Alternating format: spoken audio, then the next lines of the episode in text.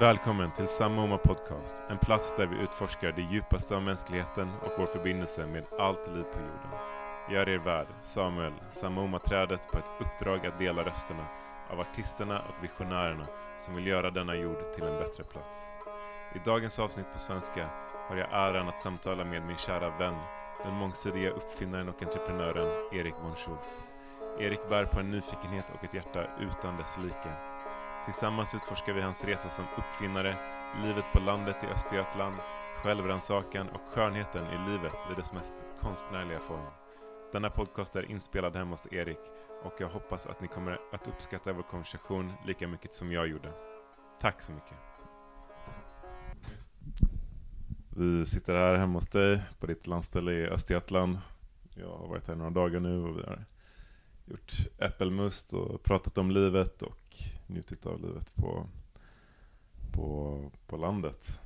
Uh, hur känns det att vara här? Det har varit fina dagar. Varma höstdagar. Det har varit otroligt skönt. Det känns som tiden har gått långsamt också. Väldigt långsamt. Jag har tänkt på det. Verkligen. Uh, jag har fått mycket gjort. Närmare. Lite närmare. Lite närmare. Ja, nej, det, det är väldigt återkopplande, avkopplande och vackert att, eh, att vara här. Tack för inbjudan. Uh, ja, hur, hur lever du här på landet? Liksom, hur ser en vanlig vardag ut? Uh, en vanlig vardag är att jag måste gå upp och göra någonting med jobbet på morgnarna. Typ skicka lite paket och sådär.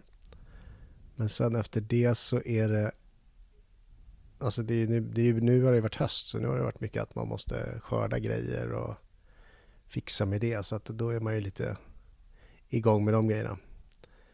Men jag försöker göra lite olika saker varje dag så att det inte blir att man bara gräver gropar eller bara plockar äpplen eller bara gör någonting. Utan det är en kombination av att bygga något och skörda något och gräva något och snickra något så att det blir lite så.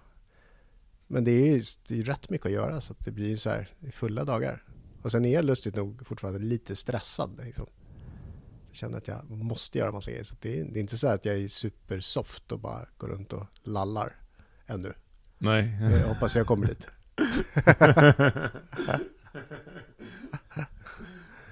Men, det är seriösa grejer och göra äppelmust. Ja. Seriösa. Men sen nu, finns det ju oändligt att göra också. Det är liksom, man kan ju slya, man kan liksom, det finns ju, det är ju noll stopp på ja, vad man skulle kunna... Ifrån munnen. Ja, det är noll stopp på vad man skulle kunna uträtta liksom. Ja, nej, men verkligen. Men jag tycker sju, sju timmar om dagen är ganska långt med jobbet. Det beror på vad man gör. Men det ska vara kul. Det är därför vi är här i livet kanske. Det ska vara kul. Det måste vara liksom, alltså allting är inte kul, men det måste ju vara Ja, men det är det som är så skönt med, med det här, att man kan göra det som man inte tycker är så kul. Det, kan man, det är bra att börja med det på dagen. De minst roliga sakerna gör man först. Ja. Och sen så gör man det roliga sen. Och sen är det ganska socialt här nere också. Jag umgås ju rätt mycket. Jag har en dam som jag går över och dricker kaffe hos varje dag nästan. Uh, och sen har jag grannar som jag går över till då och då. Så det är, det är mer socialt här än vad jag har i Stockholm, om man säger så. Ja, är... Och här har ju alla tid också. Oändlig tid. Oändlig tid. ja. ja. Så ett kaffe, liksom, man träffas på gatan och så snackar man i en halvtimme. Liksom. Det är inte ja. tjena tjena bara, utan det blir väldigt mycket. Det blir långa samtal.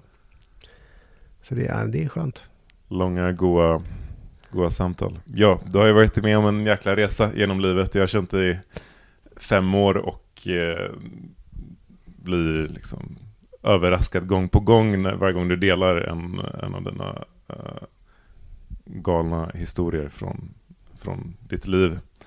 Med eh, allt från schamancenter uppe i Arktis till eh, resa till den lilla ryska halvön Kach, Kamchatka. Kamchatka med eh, Sven-Erik i 20-årsåldern. Karl-Johan, ja precis. Ja. ja. det har varit mycket. Det har varit mycket. mycket resande i början Så, av livet. Du är ju en av de, ja, en jävligt eh, fascinerande människa.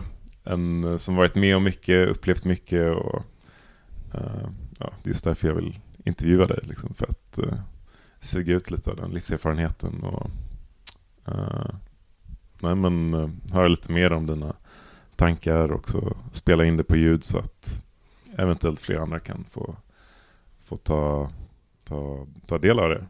Du känner ju väldigt mycket coola, häftiga människor som jag också fått äran att träffa och uh, det har varit fint att följa din resa de senaste åren. Uh, och uh, du jobbar ju som uppfinnare.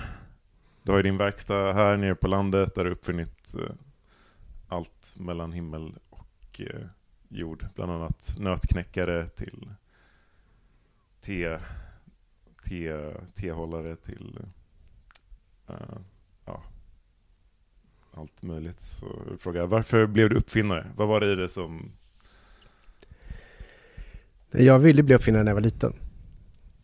Och jag, jag hade en kompis som hette Jonas Beskov som är alltså släkt med Elsa Beskov. Han var en otroligt briljant person. Så han och jag startade Jonas Kirra aktiebolag, JKAB som vi då hette. Ganska tidigt i livet, vi kanske var typ nio eller något. Vi hade det här företaget då där vi jobbade med olika uppfinningar och eh, grejer. Så det började ganska tidigt, vi var ganska tidiga med det. Och vi byggde massa olika grejer. Han, han blev till senare dataprogrammerare. Han programmerade sitt första dataspel när han var typ 12. Och det var ju då alltså 82. så det var ganska wow. tidigt. Ja, han var jävligt briljant den snubben. Uh, så sen hade vi då, så vi gjorde det mycket och jag var extremt besatt av lego också när jag var liten. Jag liksom timmar med lego. Det var liksom det roligaste jag visste. Så jag har alltid varit ganska så sugen. Och när jag var liten så sa jag till mina föräldrar, det har jag hört i alla fall, att jag sa när jag var 11 så sa jag att jag ville bli psykolog på halvtid och konstnär på halvtid. Uh, och då kan man ju säga att uppfinnande och konstnärskap är ju rätt, det är rätt nära varandra på något sätt. Man kreerar något. Uppfinnarskap och konstnärskap. Ja, du, du har ju så förmåga tittarlösningar lösningar på allt mellan himmel och, och jord. Och vad är, liksom, vad är den bakomliggande drivkraften till att liksom, uppfinna saker och komma på nytt och komma på lösningar? Och liksom. Men det är nästan alltid att jag tycker någonting som redan finns är dåligt. att det är för krångligt eller att det inte funkar tillräckligt bra eller att det innehåller alldeles för mycket detaljer. Liksom, att man inte, det borde finnas ett enklare sätt att göra det på. Så det är ju min process liksom. Jag har ju en egen, utvecklat en, vad jag tror är en egen strategi på vad det gäller uppfinnande. Och det är att man liksom först identifierar problemen. Så vad är det för fel på en vanlig nötknappare? Och då är det ofta så här, i nötknäpparfallet så är det ju att den är, det är för lite kraft i nötknäpparen, och det är, den skvätter skal överallt och så klämmer man fingrarna. Då har man liksom satt tre av de sakerna som inte fungerar. Och sen så då försöker man sätta sig ner och tänka ut hur man löser de tre problemen. Och, eh, och då har jag som metod att jag försöker först lösa de tre problemen med en detalj. Och så tänker jag på det jättelänge, eller ett par veckor i alla fall. Och så ritar jag på det och tänker så här, hur ska jag lösa det här med en enda detalj? Och det går ju sällan. Men då adderar jag en till detalj som man gör, som man använder två detaljer för att lösa problemet. Och så sitter jag med det så länge det går tills jag inte hittar någon bra lösning som löser alla de här tre frågorna. Sen adderar jag en tredje detalj och då brukar ju saker och ting hända för att det är ju något magiskt med tre detaljer. För att med tre detaljer kan man skapa en relation mellan två detaljer. Och det är liksom lite som ett kombinationslås när du adderar en tredje snurra på kombinationslåset så får du liksom då får du 999 möjligheter istället för 99 möjligheter. Så det blir exponentiellt mycket fler möjligheter. Mm. Så tre är ju ett magiskt nummer. Det finns ju i alla religioner. Uh, inom taoismen så säger man ju Tao gives birth to one. One gives birth to two. Two gives birth to three. Three give birth to all things. Mm. Så att nästan alla mina uppfinningar har tre detaljer. Och en fjäder.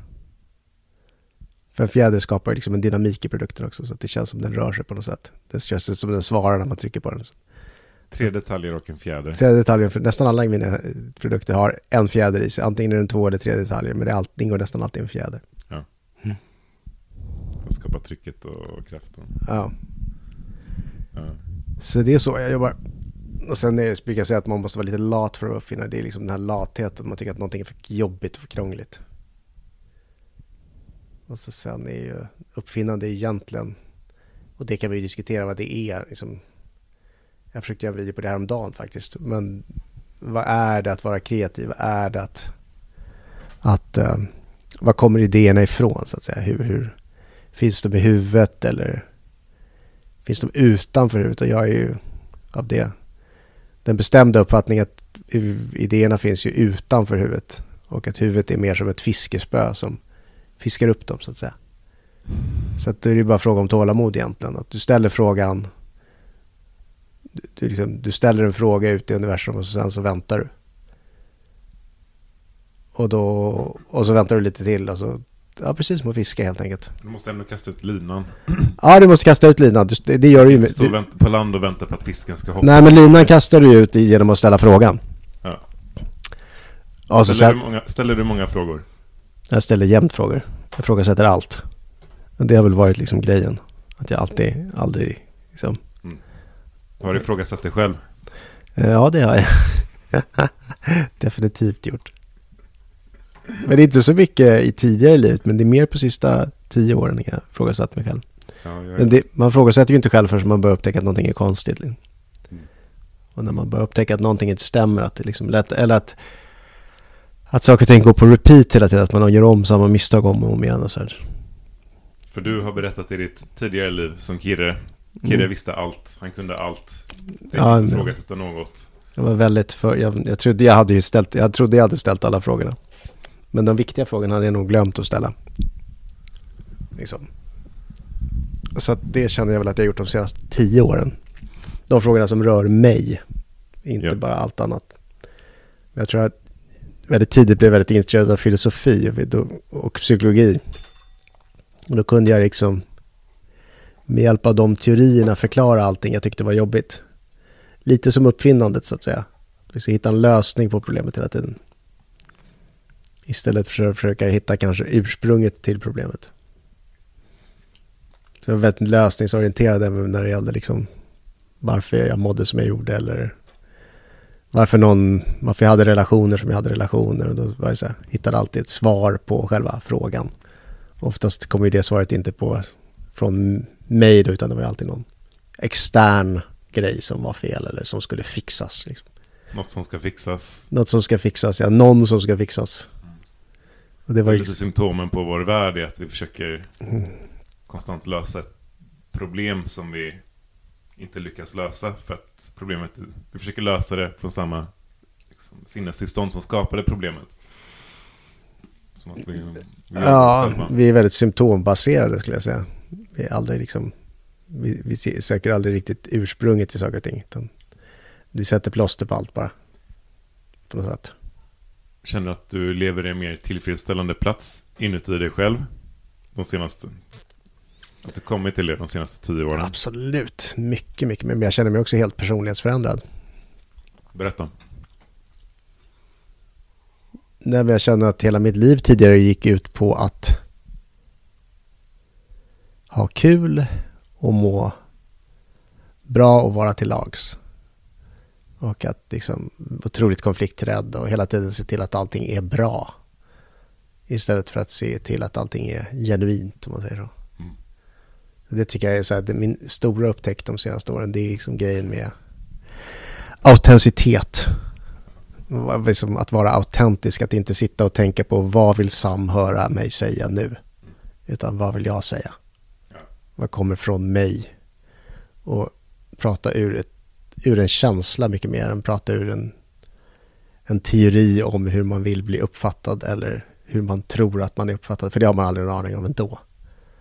Jag tror att väldigt många människor, inklusive jag, då hela tiden går runt och tänker på vad andra, vad de tror att andra tänker och så adapterar de sig själva till det. Ett gigantiskt mentalt matrix, ett spel.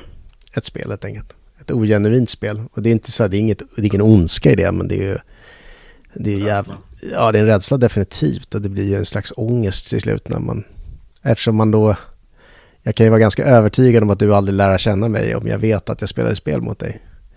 Så oavsett om du säger att du är min kompis så vet jag att du inte är det för att jag vet att du inte vet vem jag är. Mm.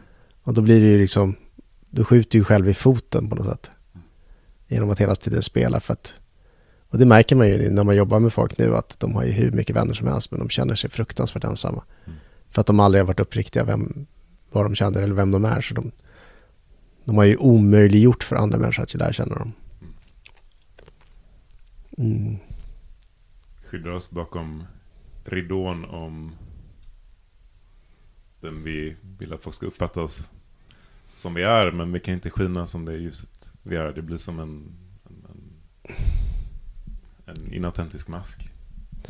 Ja, jag tror det. Jag tror också att det, liksom, det där är en otrolig illusion från början. För att de människorna som är genuina, de har ju till synes aldrig några problem.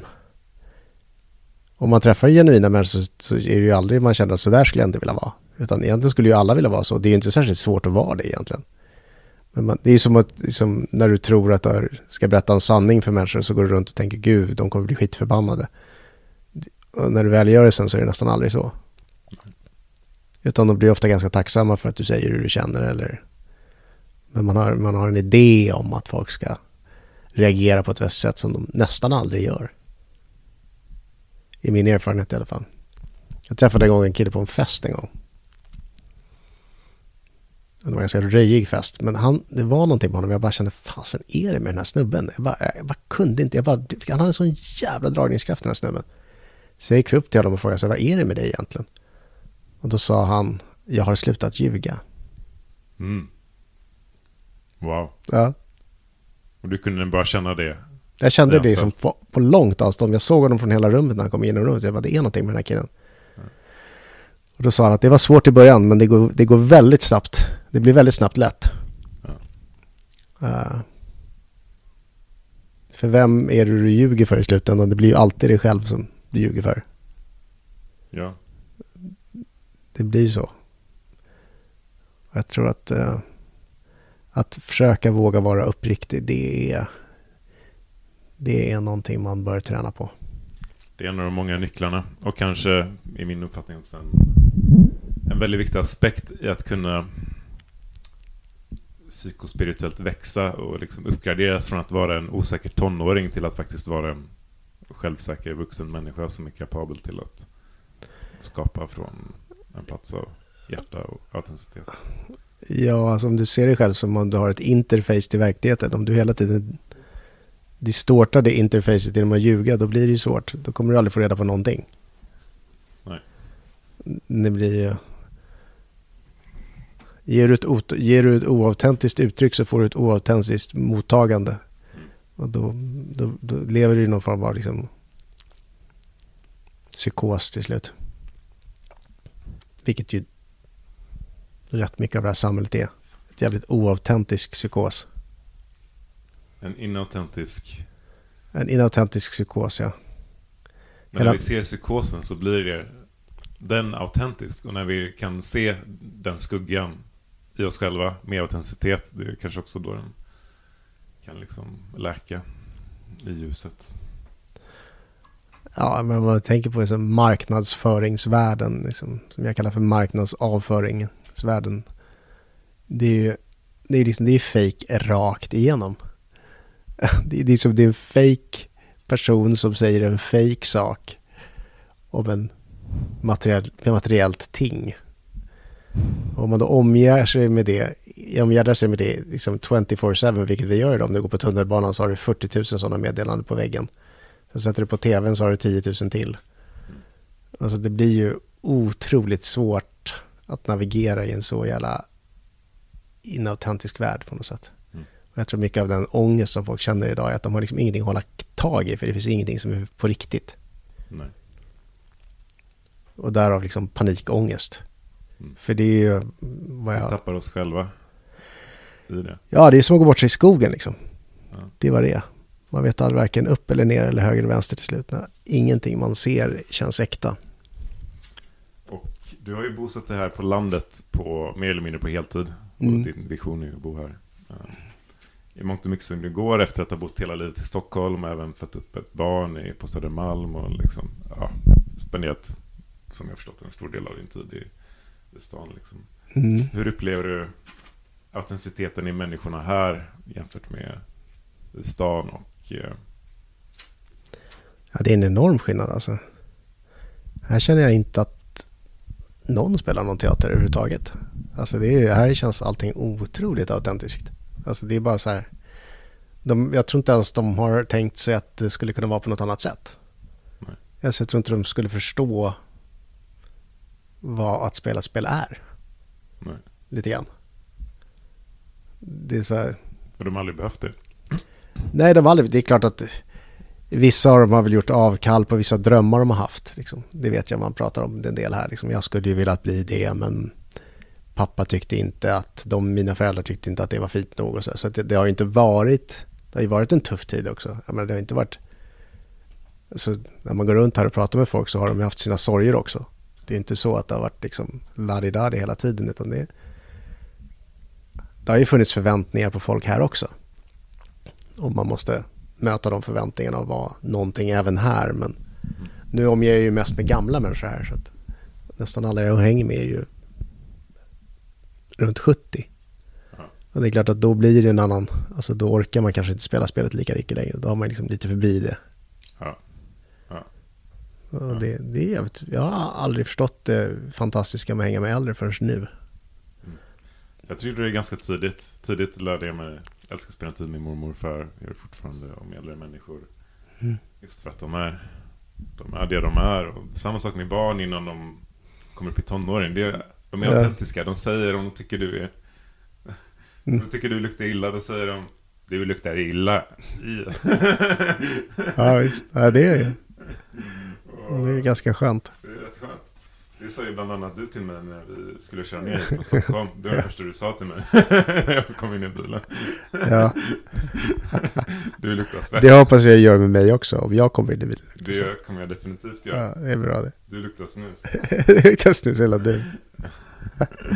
Vad skulle du säga till de som funderar, de som kanske bor i, i en stor stad och liksom, de känner att det inte är rätt, de vill komma ut på landet men de vet inte riktigt hur och så här, de det är mycket osäkerheter eller tvivel kring, kring det. Har du några, har du något att säga till dem? Ja, alltså det är, som, det är bara att göra skulle jag säga.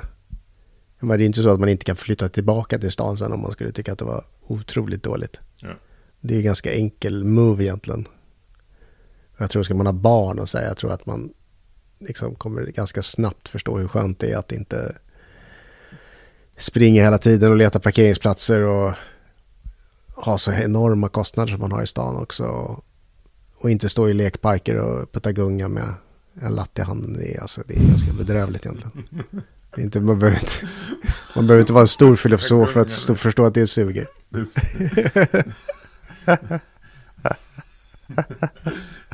Det är väl också den stressen man utsätts för. Alltså, jag vet inte, nu har ju inte du haft barn ännu, men du vet, alltså den här psykosen som är på de här Stockholmsdagisarna, den är helt, det är sån madness så det är helt sjukt. Föräldrarna är så nervösa och så stressade och så överdrivet säkerhetsmedvetna så att de är oroliga rädda för precis allt. Men det är också en, en stor sorg för att jag, jag fick en känsla i alla fall att det är liksom, de är inte egentligen oroliga för vad som ska hända barnen. De är mer oroliga för hur de ska se ut om det händer barnen något. Okay. Så barnen har blivit en förlängning av deras egen self-image. Vilket är otroligt sorgligt, tycker jag. Det är ju, det. Det är ju nästan barnplågeri att ta dem i stan i min uppfattning. För att barn behöver vara ute i naturen. De behöver liksom verkligen... Ja. Det är en fundamental del av deras uh, utveckling. Ja, men jag håller med. Det är bara att göra det. Jag är på G. Ja. Jag har noll intresse av ja, Det är inte svårt liksom. Men det är ju man ska ju välja, nu hade jag väldigt tur för jag, vis, jag visste ju inte om att det skulle vara så bra människor här som det och det har ju varit mycket större behållning. Jag trodde ju att jag skulle flytta till landet och vara liksom själv som en lite ermitkänsla sådär. Sen blev det ju att jag dessutom flyttade med min syster och min bror, köpte det tillsammans med dem.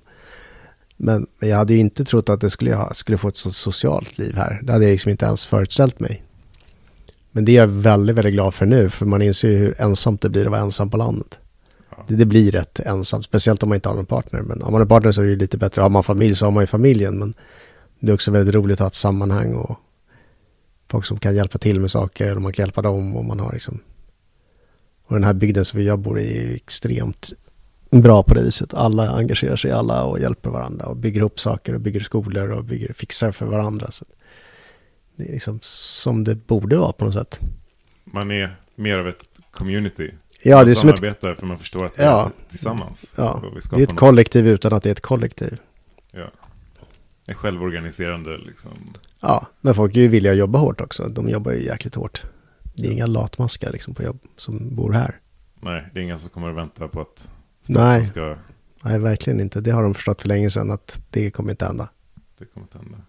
Kanske en ganska klok insikt. Ja, Ja definitivt.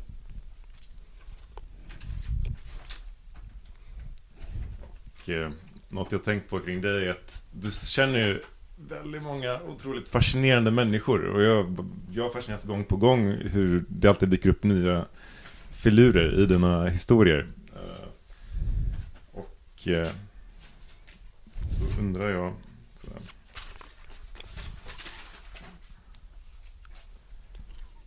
Hur har det format dig och vad är det som, vad är det som driver dig till att träffa dem? Och vad tror du det är i dig som får dig att liksom finna, möta alla de här fascinerande människorna? Det måste ju vara något i dig också. Jag är, jag är en sån här person som om jag går på tunnelbanan så är det någon som är alkis eller sinnessjuk så går de alltid och sätter sig bredvid mig. Det är liksom direkt. Men jag tror att det beror på att jag är rätt odömande. Jag tror att det känns. Att jag inte gör så mycket bedömningar om hur man ska vara. Och då, blir, då drar man ju till sig de människorna som är lite outside hela tiden. För de känner ju det direkt. Och det känner ju alla. Alltså att om man har en välkomnande aura så blir det ju så. Och då får man ju också träffa de mest intressanta människorna. Så det, har- jag har alltid haft eh, den grejen. Att alltid, alltid dragit åt mig. Det blir ju liksom allt möjligt då förstås. Men och sen det har jag alltid tyckt det var roligt att prata med folk och höra vad de har att säga. Precis som du. Ställa tusen frågor och försöka förstå hur de lever sina liv och varför de har gjort de valen de har gjort och sådär. Och förstå och se att det finns så många sätt att leva livet. Det finns många... Så många Det finns typ nio, det finns nio miljarder sätt att leva livet va? Är vi, nio, till och med mer. är vi tio miljarder nu eller hur många är vi? 333. Ja, då är, det finns så många liv. så många sätt att leva livet. Det finns många sätt att pussla ihop den här. Ibland undrar man ju varför folk väljer att göra på de sätt de gör men jag antar att de inte hade något val liksom. Det blir vad det blir. Det, det blir vad det blir. Det blir också vad man gör det till. Ja, om man ens har något val överhuvudtaget. Det är den stora filosofiska frågan. Det är, den, det är det verkligen. Det är verkligen. Eller går man runt, jag, jag sa någon gång, jag kommer jag gick, jag gick någon gång på någon marknad i Chile någon gång så kom jag på det att livet handlar mest om att rättfärdiga den skit jag gjorde igår. Uh, vilket, det känns ju som väldigt många människor lever på det viset.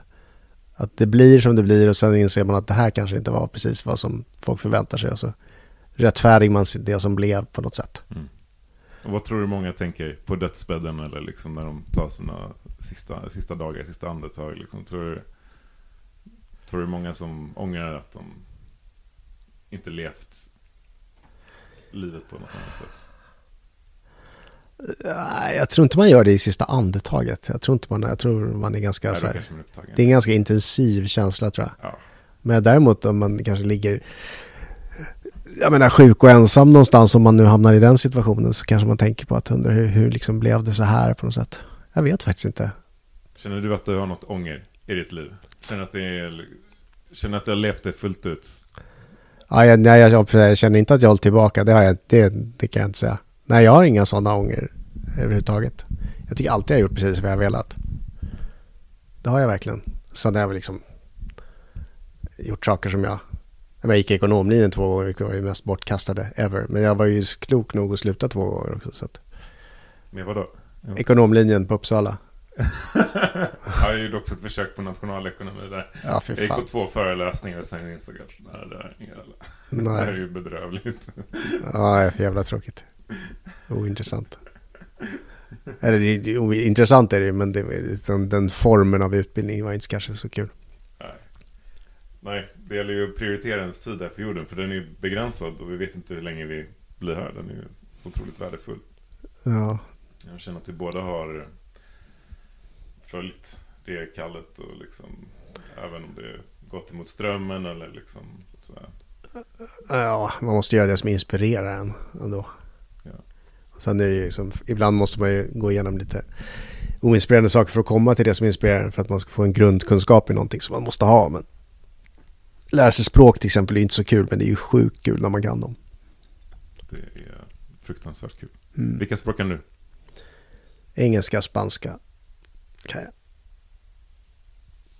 Det är de två jag har lärt mig. Precis. Ja.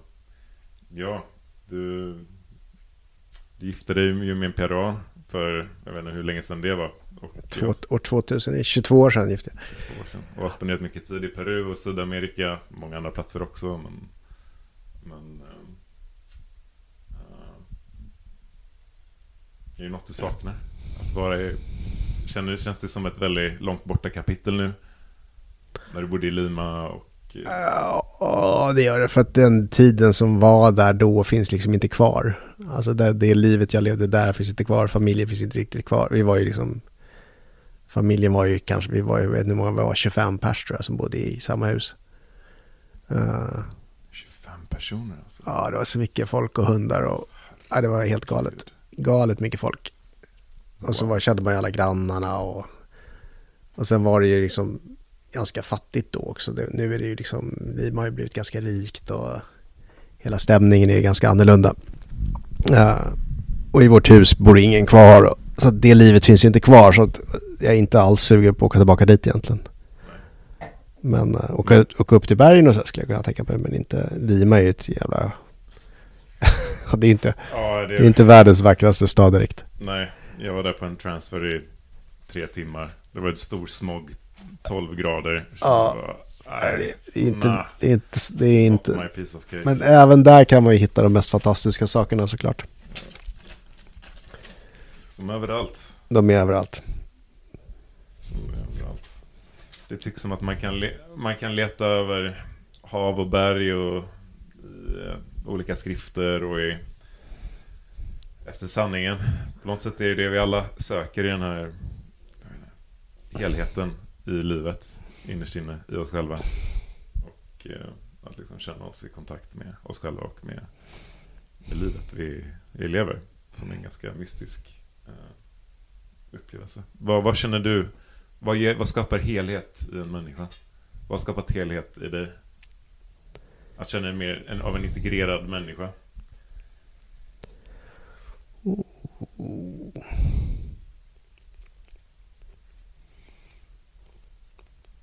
Alltså en, en del som är, jag tror viktig, det är ju att hitta de, eh,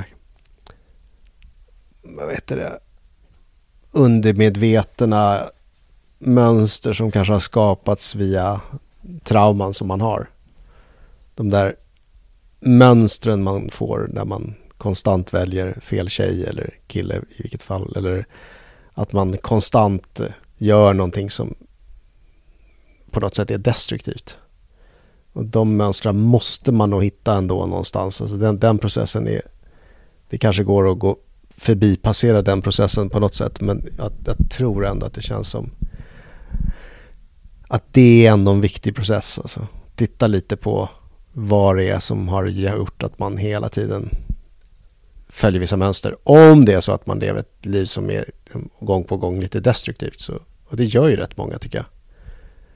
Eh, så det, det tror jag ändå är en, en, den självutvecklingsdelen är nog rätt viktig ändå att ta tag i de traumorna.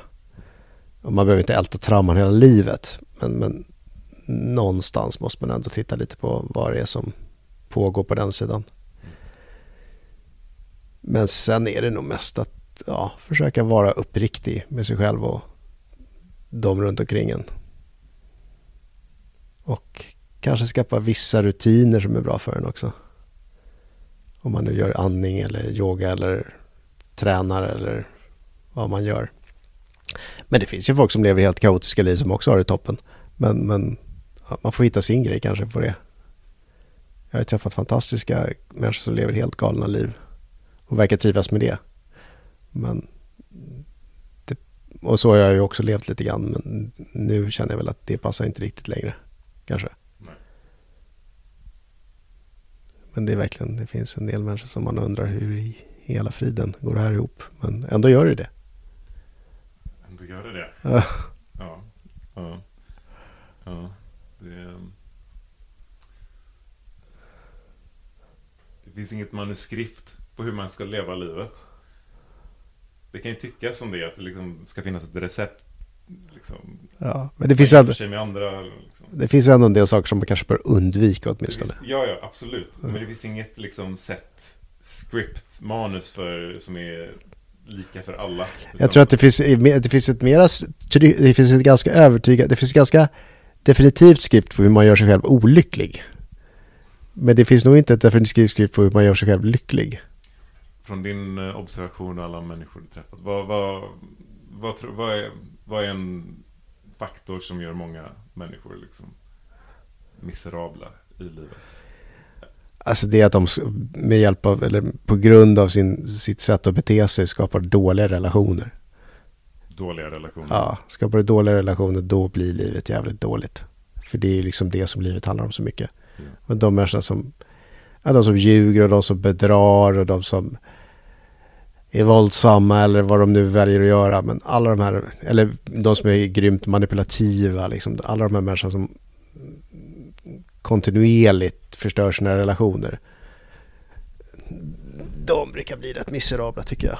Ja. Alltså det är ganska miserabelt att göra, så det är en ganska miserabel drift från början att göra det. Men, men det känns ju som någonting som man ska undvika. Alltså försöka skapa genuina relationer. Det tror jag är viktigt för en människa. För ensamheten är inte så skön. Det finns människor som kanske tycker det, men generellt så tror jag att vi är nog rätt mycket av ett socialt djur och att Och det är ju rätt fascinerande att vi ändå lever i en tid där vi har så mycket människor runt omkring oss. Vi är så uppkopplade. Vi är liksom, ändå är folk så ensamma. Trots att man bor i storstäder på flera miljoner människor. Och är Ja. ensammare än någonsin. Ja, för att vi är mer ogenuina än någonsin. Det är ju liksom det som är problemet, tror jag. Jag har jobbat med folk som har varit otroligt framgångsrika och har jättemycket Facebook-kompisar. Men i de här processen som vi jobbar med manning och sånt där, då är det ju oftast det de upptäcker. Sorgen över ensamheten. Mm. Och sorgen över liksom att de inte vågar vara autentisk med någon. Jag hade en kompis som ringde mig om dagen faktiskt. Otroligt gulligt av honom att ringa och sa han det att han har, varit, han har haft, han är jätteframgångsrik och han har levt ett helt galet liv. Men psy- psykologen hade frågat honom om det fanns någon han kände att han kunde vara autentisk med. Och då hade han svarat att han kunde vara det med mig. Det var den enda personen. Wow. Och vi har ändå inte umgås så länge. Alltså vi vi träffades på college, eh, eller universitetet i USA för 30 år sedan nu. Men har börjat umgås på sista åren. Jag tyckte han, då sa han, det är den enda, du är den enda jag någonsin varit genuin med. Det är nice. Det, det blev, då började jag faktiskt gråta. Det blev jag väldigt rörd av. Jag tyckte det var jävligt fint av honom att säga det. Vad vackert. Vilken ära och Ja, det var- det det, var tyder fakt- ju på att, eh, Det var en jävla gåva från honom till mig. ja, och att du bär på något, på något speciellt som får folk att öppna upp sig på det sättet. Och han är inte den första. Eh, och, och jag kan känna det. För det är ändå, jag är 25 nu. Det är Mm. det, kanske det många i min generation tänker och så här, okej om jag tjänar en massa pengar eller om jag blir framgångsrik, om jag får ett fantastiskt jobb eller liksom när jag har den stora villan eller bilarna eller makten eller vad det nu kan vara. Eh, frun, då kommer jag vara lycklig. Liksom. Då, kommer, då kommer allt falla på plats. Men du känner ju många människor som kanske lever med mycket pengar och liksom har alla de här prylarna och kanske gjort allt det. Men det tycks som att det kanske inte nödvändigtvis betyder att man är så jävla mycket lyckligare i slutändan av dagen. Det ofta betyder, brukar det betyda att du är jävligt mycket mer busy bara. Ett jävla åkandes och fixandes och donandes hela tiden. Det är väldigt lite lugn i den tillvaron liksom det kommer, men det, jag tror det kommer ju av ett... Att jag älskar den här Hjalmar Söderberg-grejen. Liksom. Om du inte kan få kärlek vill du ha respekt. Kan du inte få respekt vill du bli fruktad. Kan du inte bli fruktad vill du bli hatad. Och jag tror att väldigt många av oss som är i västvärlden, vi ligger i det andra fältet. Kan man inte få kärlek vill man ha respekt. Att väldigt mycket av den här, för om du känner att du har blivit älskad så behöver du inte så mycket respekt egentligen. Men om du känner att man bara blir älskad om man får respekt. Om man kan lyckas i, liksom, få andra att tycka att man är något. Och därav den här enorma liksom, driften till att lyckas eller att göra karriär eller det ena och det andra. Det är ju liksom för att visa andra att man är värd något. Mm. Och det är en ganska sorglig drift. Eftersom den bygger på att man inte känner sig älskad från början. Men kanske att man känner sig väldigt ensam. Ja, det blir ju väldigt ensamt. Och det kanske uppdagas framförallt senare i livet när man liksom blir på äldre dagar och det inte finns...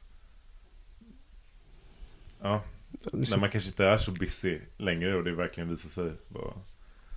Ja, det är, så gamla businessmän brukar ju ofta bli rätt patetiska när de blir äldre. Mm. Det tycker jag är ganska vanligt. Om man säger när, liksom, när de inte är något längre. Ja.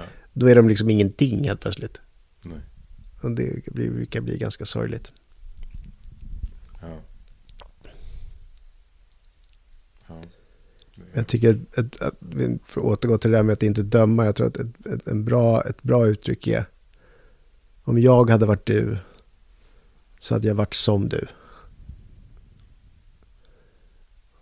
Och det tror jag folk missuppfattar. Alltså, om jag hade varit du, så hade jag varit som du. Då hade jag fattat de beslut du gör. Det är rimligt. det, så att, man, alla fattar de mest perfekta besluten hela tiden utifrån dem. Utifrån den erfarenhet de har. Ja. Även om det till synes utifrån kan vara de mest klantiga beslut. Mm. Så är det ändå så att hade du varit dem så hade du varit som dem. Då hade du fattat exakt de besluten. Och i det kan man ju liksom känna att det finns ingen anledning att döma någon för att hade du varit dem så hade du varit som dem. I det skapas empati. I det skapas enorm empati jag menar om du tänker på alla dumma beslut du själv har gjort, du kanske inte har gjort lika många dumma som jag, men jag har ju gjort rätt många. Och att, liksom, att då döma någon annan för att göra dumma beslut, det är ju ganska, det är ganska konstigt. Det är ganska oempatiskt med tanke på att man vet hur jävla mycket dåliga beslut man själv har fattat. Mm. Och att gå runt och förvänta sig att andra skulle vara bättre än det är ju konstigt. Det tycks ju vara en process av eh, att vi är i skolan. Vi är livet här för att ta vissa lektioner, ta vissa klasser och eh, det är liksom Ja, det eh, det gäller att sätta sig in i andras skor och förstå att folk behöver gå igenom olika saker utan att jag ska förändra någonting eller förändra någon eller liksom uh, snarare liksom finnas där som stöd och facilitera processen. Men det är också så här att finna kärlek och förståelse även i de mest grymma exemplen. I krig och liksom uh, grymma människor som skapat ofantligt mycket lidande. Som Stalin och Hitler och ja. ja, alltså, det, ja, verkligen. Men det är alltså, jag tror man är ganska nära grymheten själv. Jag tror att man, jag tror att folk går runt och tror att de, de pratar om Hitler som om det vore något som aldrig skulle kunna hända dem. Men det tror jag verkligen att det kan. Det visar ju allt. Att, att man är mycket närmare ondskan än vad man egentligen vill hoppas eller vill tro. Ja. Men också mycket närmare kärleken än vad man kanske tror. Absolut. Det, ja, det är otroligt fascinerande. Och eh, då kan vi gå in på lite av de mer större filosofiska makrofrågorna. Yes. Och eh, vi är här som eh, samskapande människor i denna mänsklighet som eh, är i en väldigt intressant process just nu, har varit i flera år. Uh, vi har gått igenom tre år med den här pandemin och uh, det har ju varit vänt upp och ner på ganska mycket kan vi säga. Uh, har du någonsin upplevt någonting liknande under dina 52 år på denna planet? Nej, inte ens i närheten. Alltså det här är det mest konstiga jag någonsin har varit med om. Men också ett bevis på hur snabbt det går att gå från liksom normalt till onormalt. Och hur snabbt folk är villiga att döma varandra och hata varandra. Och... Alltså det, jag tycker att det här är... Jag, tycker jag såg den här fantastiska skylten, jag vet inte om jag skickade den till dig, som någon hade skrivit som var If you ever wondered if you would have complied in the Germany's 1930s, now you know. För det var precis vad som hände. Det här var, det som hände var precis Stanford-experimentet rakt av. En läkare står och ber dig dra på full ström. Och du gör det. Och faktum är att det var precis lika samma siffror som Stanford-experimentet. De som drog på full ström det var ungefär 70%, 70-75% av de som var med i experimentet. Och det kan man ju säga om pandemin också. 70-75% var med på den här. För att det var en läkare i en vit rock som sa att... Ja, som var med på det. Var, ja. Och dessutom så ja, körde de ju media och propaganda på det på ett sätt som kanske inte Stanford-experimentet gjorde. Men det var ändå ett väldigt, väldigt tydligt exempel på hur lätt det är att få människor att, att följa med. Mm. Och att inte tänka själva. Och inte ta eget ansvar. Utan bara förlita sig på vad någon med en vit rock eller politiker säger. Det, det, var, det var verkligen en, en, en, ett skolexempel på hur labila vi är i vår egen tro och vår egen etiska kompass. Hur har det förändrat din, ditt perspektiv och din syn på det kollektiva? Eller på kanske på till de eh, auktoriteterna som vi så gärna vill tro på och lita på. Och den kanske fadersgestalten som vi ser upp till som bär på sanningen och som så länge vi liksom följer dem kommer allt bli, bli bra. Ja, det, det, alltså, makten, i hand, makten sitter hos följaren. Det är jävligt bokat här. Och kan du manipulera följaren så kan du få makten. Och det är det de har gjort. Och följaren har varit väldigt foglig den här gången. Jag har aldrig varit med om att folk ställde så lite frågor på det här. Mm. Och hur journalister inte ställde frågorna och hur ingen ställde frågorna som borde ha ställts från början. Det här har varit det mest märkliga exemplet på hur lätt det är att manipulera folk. Och jag tycker det är en intressant grej med tanke på internet och sådär. Men att, att det skedde på 30-talet när Hitler ägde all radio. Då var det inte så svårt för det fanns bara en outlet. Men nu har det ju faktiskt funnits möjlighet, även fast de har manipulerat även det, så har det ändå funnits möjlighet att hitta alternativ information på olika saker. Men det har helt gått förbi alla människor. Så att den här idén om att internet skulle vara någon slags räddare för att man skulle kunna sprida information, det har ju visat sig vara precis helt felaktigt, tycker jag. Det har varit, det har varit Fast förvånande. Det kanske varit både och. Det är mycket propaganda, men också om man nu har den här impulsen av att vara kritisk och söka sanningen så kan man också hitta den genom det, det Ja, det hade definitivt funnits möjlighet för väldigt många människor att få den informationen som det då inte fanns på 30-talet när Hitler ägde mm. alla nyhetskanaler. Ja. Då fanns det inget alternativ. Nu har det funnits gott om alternativ för att hitta alternativa sanningar, men ingen har gjort det. I princip ingen har gjort det. Och det är för mig helt otroligt. Så det, det var lite av ett wake-up call. Det, det trodde jag aldrig skulle hända. Mm. Mm. Ja, det är fascinerande tider också för mig som 25-åring som liksom, och för alla generationer under mig som liksom växer upp i de här ganska kaotiska och underliga och galna tiderna. Det är liksom det är svårt att förstå att liksom vad är det som sker? Vilka kan man lita på? Kan man lita på liksom, skolan, på lärarna? Kan man lita på staten? Till viss mån ja, men det tycks ändå som att vi har gett upp mycket av den integriteten och makten som vi, besitter som, som individer, som, som folket. Och eh, eh att just det vi behöver återta Ja. Det här är ju, men något som har varit intressant på sitt sätt det är ju liksom att den, den korruption som alltid har funnits i, i, i våra samhällen, i västerländska samhället, som någonting, någonstans har legat under ytan tidigare, den har ju blivit extremt lätt att se nu. Alltså aldrig, den är ju aldrig, den är så blatantly fucking obvious nu. Den är klar som solen. Den är klar som solen och den får ju ni se. För jag har ju förstått att den är där, men jag har ju aldrig sett den på det här viset. Jag har aldrig sett det, det här ansiktet tidigare på det så, så klart och tydligt som man ser det nu. Uh, så att ni, ni lever ju en, det blir en intressant, det är en intressant start på livet för dig att börja där.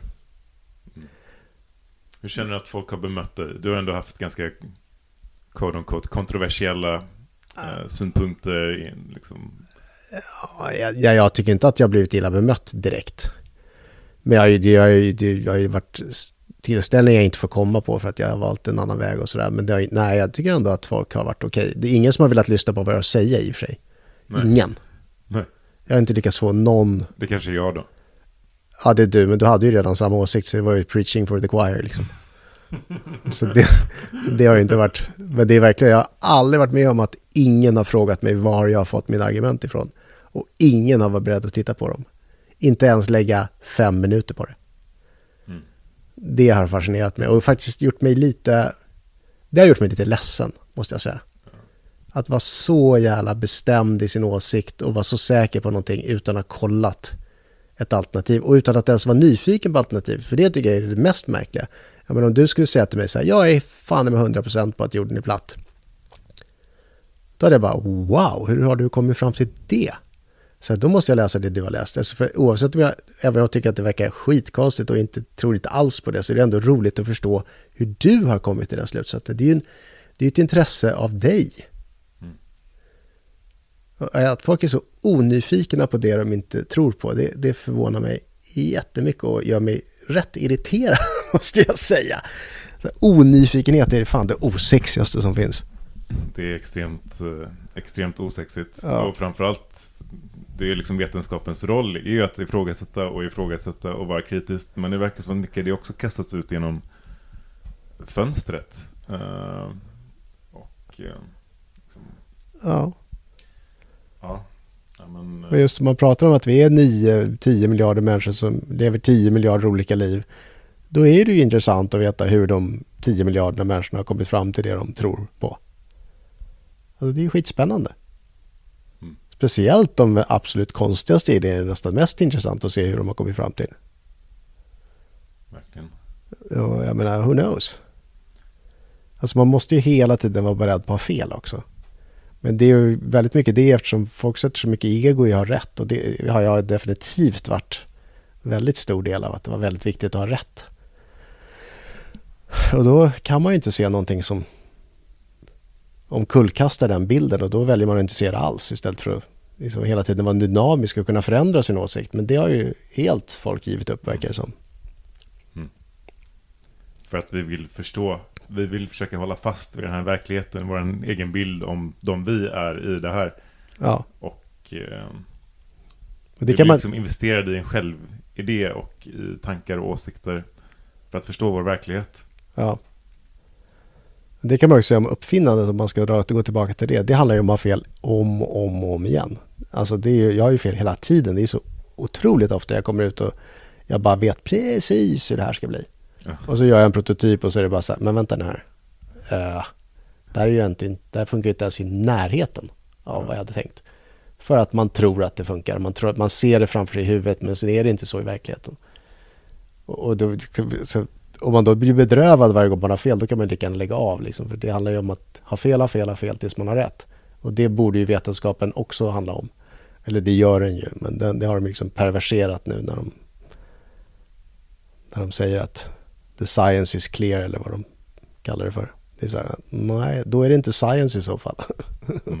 då är det religion, för religion brukar vara jävligt clear. Det är, det är straight forward. Där är, straight, det är inget att ifrågasätta. Där sätter man upp vissa dogmer och sen är det klart. Mm. Ja, när, när, när vetenskap har blivit dogmatisk, då, är, då kan man inte kalla det vetenskap längre. Det är mycket dogma i våra tider. Mycket. Kanske mer än någonsin. Ja, definitivt. Alltså kanske lika mycket som det var när liksom jord... Nej. Ja, i vissa religiösa kretsar. Det tycks ju verkligen som att det är ett gammalt paradigm som håller på att brytas ner till sin rot i de tiderna vi lever i. Både i en ekonomisk synvinkel, i en politisk synvinkel med liksom eh, delningen och oförmågan för människor att kommunicera. Och, eh, ja, covid var ju liksom det visade verkligen det mer än någonsin. Ja, det finns ett bra uttryck som jag tycker är en av de bästa daoistiska uttrycken och det är If you want to get rid of it you have to let it flourish. Yes. Och det är det som sker nu. Det, nu är det så här, flör, vad som hände, så, vad som hände corona, börsen går upp, alla blev stormrika. Det är, så här, det, är, det är som den sista festen, den sista kräkningen i en ayahuasca-ceremoni, den för sista ölen liksom. Det, det är på något sätt slutet på allting och då blir det en slags uppblomning först. Mm. Innan blommorna trillar av och något nytt sker. Verkligen. Och det känns verkligen som det här är, har varit de här två, tre åren, sista åren har varit, det är liksom den sista explosionen av den här. Där vaccinet på något sätt var fräls, frälsningen som skulle Ja, rädda oss alla och bara det, det kom på plats så skulle allt bli bra. ja bara, den, bara den hybrisen som det innebar liksom från början. Alltså den här hybrisen att vi förstår någonting om någonting, speciellt vad det gäller den mänskliga kroppen som vi absolut inte förstår någonting av. Eh, där vi har liksom helt fastnat i en... Jag menar, där kineserna är ju mycket längre fram vad det gäller hur vi verkligen fungerar. Men, men alltså den här idén om att vi vet så mycket, den är ju helt galen.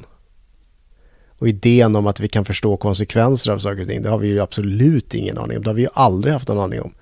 Jag tycker det här vaccinet, det var ju som när de skickade paddor till Australien liksom, för att man skulle ta bort någon insekt och så blev det för mycket paddor liksom. Det är så typiskt mänskligheten. Enkla lösningar, fast vi ser aldrig komplexiteten i saker så att vi bara skit, skjuter oss själva i foten om och om igen liksom. Det är som att du till exempel har problem med sömnen så får du något sömnmedel så får det någon bieffekt så behöver du ta någon annan medicin för den medicinen så behöver du ta någon annan men Ja, det, det är så vi jobbar hela tiden. För att vi har ingen koll på helheten. För att vi bryr oss aldrig om den. För att det inte går att förstå det från ett intellekt en, enbart ett intellektuellt Nej, det går inte sinne. att. För det är, aldrig, det är så Nej, men det går inte att förstå den i vetenskapen, för vetenskapen kan bara forska på en, en, en variabel i taget. Och det är väldigt svårt att forska på cross variables i forskning. För det är väldigt svårt att komma till ett definitivt, en definitiv sanning på det viset. Så då gör man inte så, utan då forskar man på en del i taget. Och då kan man aldrig skapa en helhet.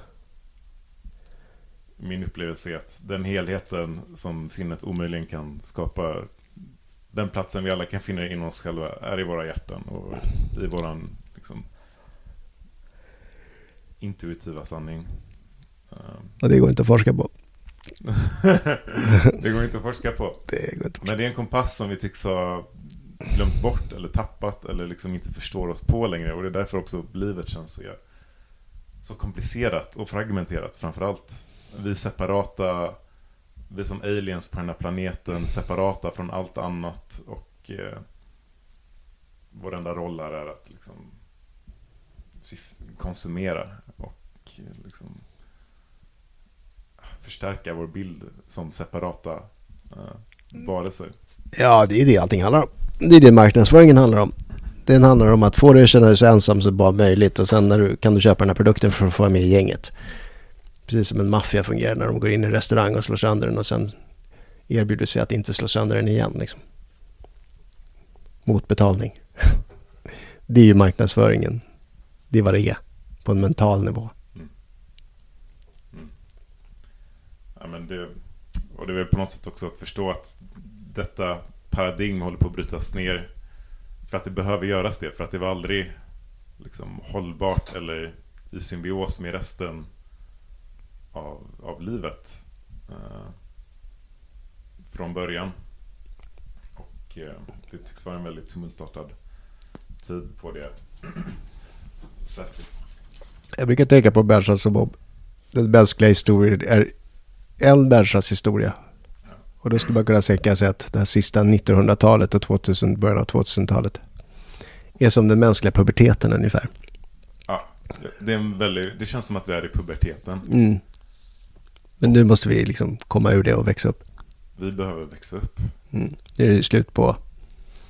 Men, men när man är i puberteten så är man ju precis som oss. Man är så här, man vill ha prylar och man ska skapa självidentitet och man ska... Det är mi, mi, mi rakt igenom i puberteten. Det är ju det puberteten handlar om rätt mycket. Och det är ju det vad det här 1900-talet och 2000-talet också handlat om. Men sen blir man 20 och sen börjar man... Man inser att det finns något större mission här på, Ja, på jorden och på livet, i livet. Och som i puberteten, när, i de osäkra tonåren, så följer vi ofta, vi ser upp till de som är mest trasiga, till, liksom, till mobbarna eller till de coola människorna. Eller till, för vi tror att det, det, är de, det är de som har det, jag vill bli som dem. Men Ja. egentligen är de kanske de mest miserabla, eller liksom obalanserade eh, och så är det ju alltid. människorna av oss. Den som har behov av att vara elak är ju sällan särskilt lycklig.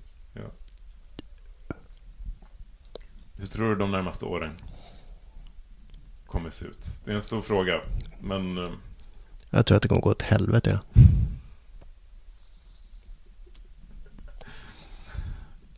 Det kommer bli kaos. Det kommer bli rörigt. Jag tror folk inte kommer, jag tror inte folk ens är i närheten av att fatta hur rörigt det här kommer bli. På alla plan. Psykologiskt, fysiskt, ekonomiskt. Det kommer bli enorma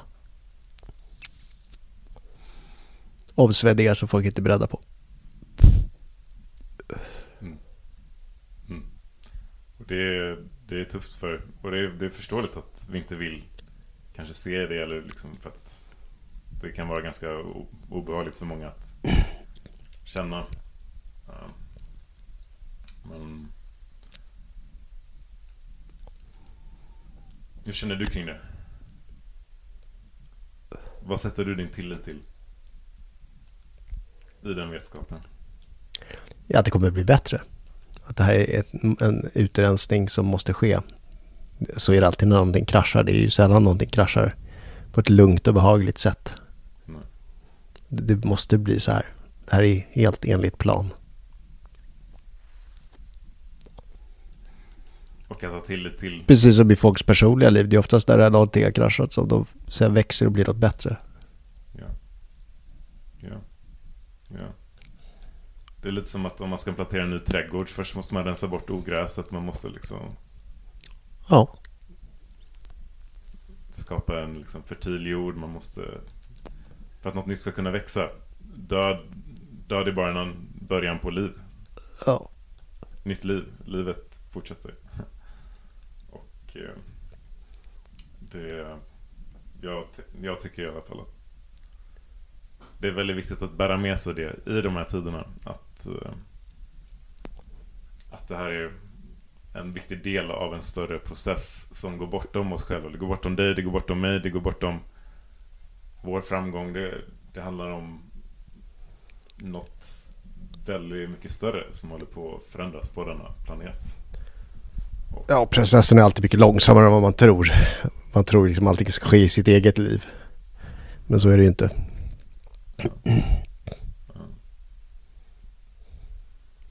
Jag tror att de som eh, hippisarna som sprang runt på 60-70-talet, de trodde det skulle ske då. Uppvaknandet och allt det där, det var ju det man pratade redan om då. Det är ju snart 50 år sedan. De hade precis samma idé om, den spirituella världen har ju samma idé då som de har nu. Och sen kom liksom 50 år av mer av det som redan var. Ja. Ja. För det hör man ju de som var med på den tiden säga också att ja, det var det vi trodde. Men så blev Men det... det känns också som att mycket har mognat sen dess. Absolut. I, eh, Men det de, det de var rädda för då, eller det de tyckte var dåligt då, blev ju liksom blev ju upphöjt till 10 sen. Miljöförstöring och ja. liksom rovdrift och allt det här. Det liksom gick ju i taket efter det. För, men då var det ändå inte, det var inte en akut punkt då där liksom allt höll på att skita sig. Ja, de tyckte ju det. De kände det ju så. Att nu måste det ske för att nu har det gått alldeles för långt åt fel håll. Ja. Så att jag tror de hade nog samma känsla av urgency som, som vi har nu. Mm. De hade Vietnamkriget, de hade Kubakrisen. ja, ja, atom, öv- överhängande atomkriget och allt det där. Så jag tror att de kände ungefär likadant faktiskt. Mm. Det säger de i alla fall när jag pratar med de som var med då. Och att räddningen skulle komma, att alla skulle bli upplysta. Men det blev inte riktigt så. Sen kom glada 80-talet och ultrakapitalism och kokain. Det var, innan, dålig musik. det var innan min tid, men då levde du loppan. Ja, då levde, det var då jag var ung. Ganska konstig tid egentligen. Ja. Mm. Det finns ett citat om att vi överskattar vi människor, vi överskattar vad vi kan åstadkomma på kort tid. Ganska grovt, men också att vi kan underskatta det vi kan åstadkomma på en längre, en längre tidshorisont. Ja. Och den förändringen som sker under en längre liksom, tids, tidslinje. Ja. Uh, men det tycks ändå som vår situation är ganska akut som den ser ut nu. Och att det är radikala liksom. Ja, nu ser det faktiskt ut som det är about to, the shit is about to hit the fan helt klart. Ja. Ja. ja. Och det som förändras, det som behöver förändras, det kanske egentligen inte är vi vill ju projicera det utåt som att det är något där ute vi behöver fixa. Men vad skulle du säga, vad är det egentligen? Jag tror att det är idén om vad vi är som måste förändras. Ja. För det kommer förändra allt annat. Det kommer förändra allt annat. Så det tycks som att det behöver börja inom varje individ. Ja. Egna självreflektion och självinsikt. Som det på något sätt alltid gör. Ja. ja. Man kan gå hur många kurser som helst i self-help eller liksom i fixa det här eller det där eller i det yttre. Men om vi inte ändrar det inre, det är där allt börjar. Ja, om du dessutom inte liksom agerar på det du förstår Ja. så blir det ju inte så mycket skillnad. Att du förstår någonting är en sak, men att agera på det man har förstått är en annan sak. Att agera utifrån det man har förstått, det är ju den stora grejen. Och det misslyckas man ofta med i self-help. Ja. Man fattar, men man gör inte det man har fattat. Mm. Mm. Och att vi behöver förstå att det som det vi skapar inom oss själva, de tankarna vi tänker, de upplevelserna vi har inom oss själva, det är det vi skapar utåt i, i världen. I det yttre. Ja, you can expect what you reflect. Yes. Yes. Yes. Så vad tänker du att vi behöver för att kunna samskapa en, en, en ny vision? En, en evolution av vårt kollektiva i att uh, ta en plats av mer av symbios på denna planet i oss själva i harmoni med resten av, av livet. Ja, vi måste nog förstå att det, liksom, din lycka är min lycka. Det är liksom att vi är interdependent och att vi är en del av någonting, inte separata enheter. Det tror jag är viktigt. Och det kommer vi göra, det är jag helt säker på. Ja, vi kommer ju åtminstone bli tvungna att göra det ganska snart. Det kommer nog vara bra för oss. Det kommer nog vara bra för oss. Liksom ensam är stark, det svenska uttrycket är ju lite konstigt för det är ju inte så alls egentligen. Är det ett svenskt uttryck? Ensam är stark? Ja. Mm. Det är väldigt många sådana uttryck i Sverige. Din egen lyckas med och det ena och det andra. Det är ett väldigt solitärt sätt att se saker och ting på i mörka Norden. Men det är ju inte alls så det fungerar. Ensam är ganska bara ensam skulle jag säga. För vi är vad vi är i relation till allt annat. Om vi inte hade relationer till allt annat skulle vi inte vara någonting. Nej, det är väldigt svårt att leva. Det är väldigt svårt att leva om man inte relaterar till något. Så det, det är ju att vara är att relatera. Nej. Det, det är svårt. Det är som att liksom känna dig separat från din egen fot på något sätt. Mm. Det är lite svårt. Vilket många av oss gör. Vi kan inte ens känna foten för att vi är så uppe i våra huvuden. Ja, jo. ja. Jag känner i alla fall personligen otroligt mycket optimism för denna resa. Det känns som att vi går igenom en initiering, en kollektiv initiering. där det finns en chans att vi inte kommer klara oss. Det är ingen garanti att vi kommer ta oss igenom denna liksom, väldigt tumultartade psykospirituella Nej, alltså, uppväxt. Ett, ett mandomsprov. Ja. Uh, men jag känner stark tillit till att vi, vi kommer göra det. Jag har ingen aning om hur det kommer se ut. Men jag, att jag har en otrolig tillit till, till, till den här processen och till livet. Och, jag menar, vad annat kan jag göra än, än liksom facilitera och assistera den här processen så gott jag kan? Ja, jag menar, om allt är ett så kan det ju inte gå till helvete på något sätt. Det, det säger sig självt. Men du sa ju nyss att det kommer gå till helvete. Jo, jo, men då är det ju så. Går inte att förstöra något som är ett.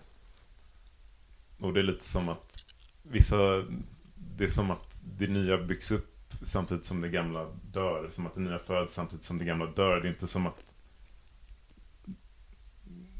det är en pågående process där fler människor vaknar upp i det kollektiva samtidigt som... Ja, men den här processen har väl gjort dig mer säker på det du redan trodde. Ja, herregud. Precis, och det gäller många andra också. Absolut. Det är inte bara du och jag i det. Utan det har blivit en, en, en väldig när, närhet till de som känner samma sak. Som kanske tidigare inte var lika nära varandra. Absolut. Vi, vi finner varandra, i min upplevelse. Vi, vi hittar varandra. Och att jag tror det är en stor del av världens människor, befolkning som, som känner samma. Men de har inte, de, kan, de, de har inte verktygen att känna det eller öppna det eller ha eh, tillit till det än. Men eh, det, det växer i oss. Mm. Så det är därför vi har de här samtalen och konversationerna. Så ja, för att uh, avsluta detta samtal så har jag en sista fråga. Mm. Och uh, det är vad, vad, vad, vad är det att vara människa? Vad är essensen av att vara människa?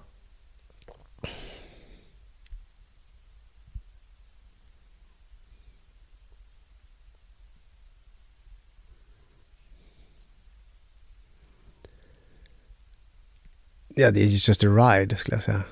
Det är en, det är en upplevelse bara. Det, det är upplevelsen av att vara född i den här kroppen och vara med om det här livet. Det är bara en upplevelse. Precis som en upplevelse på Gröna Lund är. Man, you take a ride. Och då får man uppleva något. Och hur kan vi göra det bästa av det? Det är Guds sätt att uppleva sig själv. Ja. Ja. Kan man säga. Eller... You are the universe experiencing yourself. Oh. Itself through this life form. Precis, jag brukar säga att vi are the masturbation of the universe. Liksom. Well done. För det är lite så. Utan oss känner inte Gud sig själv. Det är illusionen av att Gud är två. Ja. Det är spegelbilden. But God is one. But is he even one? It is what it is. There is nothing. There is nothing. There is nothing. And there is everything. Mm.